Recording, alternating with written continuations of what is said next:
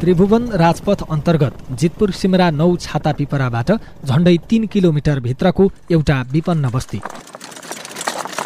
बसिरहेको जमिन कसैको नाममा छैन। गाउँमै दैनिक ज्यालाधरीमा गुजारा चलाउँदै आएका यही बस्तीका महन्थ महरा चमार काम र दाम पाइने आशमा चार वर्ष अगाडि अजय नाम गरेका एक व्यक्तिको पछि लागेर काठमाडौँ पुर्याइनुभयो त्यसबेला जागिर लगाइदिन मागिएको नागरिकताको दुरुपयोग गरी ती व्यक्तिले महन्तको टाउकोमा करोडौं राजस्व छलीको भारी बोकाएर फरार छन् नागरिकता लेकर हमनी के सही होई करैल कहलक जे दू तीन दिन के बाद मने काम लाग जाई तोहनी। कमाई है ओकरा बाद में तोहनी के बैंक में खाता में मने पैसा जमा होई तोहनी के काम हो सही होई सब कराल। दैनिक ज्यालादरीमा काम गरी परिवारको दैनिक गुजारा तार्दै आएका महन्तका नाममा कम्पनी रजिस्ट्रारको कार्यालयमा चन्दन ट्रेडर्स नामको कम्पनी दर्ता छ।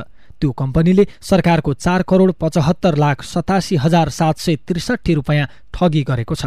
तर यो विषयमा कम्पनीका मालिक भनिएका महन्त आफै अनभिज्ञ हुनुहुन्छ। कागज आगल केतना केतना गनु हमनी के तो उ लाख देखल ही कि या करोड़ के कौन बात बा जितपुर सिमरा नौकै मुना चौधरी तीन करोड बत्तीस लाख सन्ताउन्न हजार पाँच रुपियाँ राजस्व छली अभियोगमा जेलमा हुनुहुन्छ। कृत्य गरी उहाँको नाममा पङ्कजा ट्रेडर्स प्राली खोलिएको छ।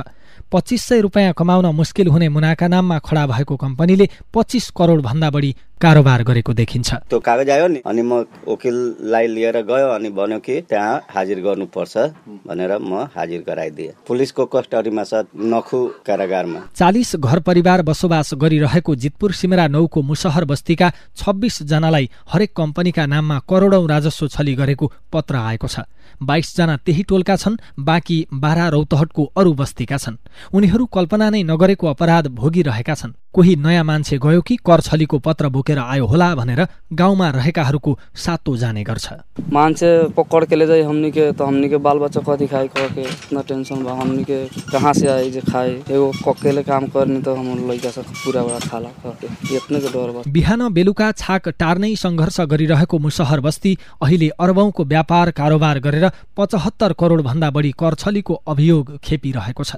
जुन अकल्पनीय भएको बताउनुहुन्छ जितपुर सिमरा नौका वडा अध्यक्ष प्रभुनाथ प्रसाद चौधरी। हामी कहाँ काठमाडौँ अदालतबाट पत्र आउँदाखेरि थाहा पाएको यो कुरा पहिलादेखि केही थाहा थिएन यो सम्बन्ध। उहाँहरूले के भन्नुभयो फलानु फलानु गाउँको मान्छेले मलाई यस्तो यस्तो लगेर काठमाडौँ काम लगाइदिन्छु भनेर भन्नुभएको थियो। उहाँहरूको ऐलानी जग्गामा बसोबास छ आज कमाउने भोलि खाने यस्तो स्थितिमा मलाई हेरे बित्तिकै सुन्ने बित्तिकै आफै अचम्म पर्यो के? मोटामोटी मेरो वार्डको बिस पच्चिसको हाराहारीमा सुनेको छु। जितपुर सिमराकै अर्को ओडाका सत्र परिवार पनि त्यस्तै पीडादायी कथा बोकेर बाँचिरहेका छन्।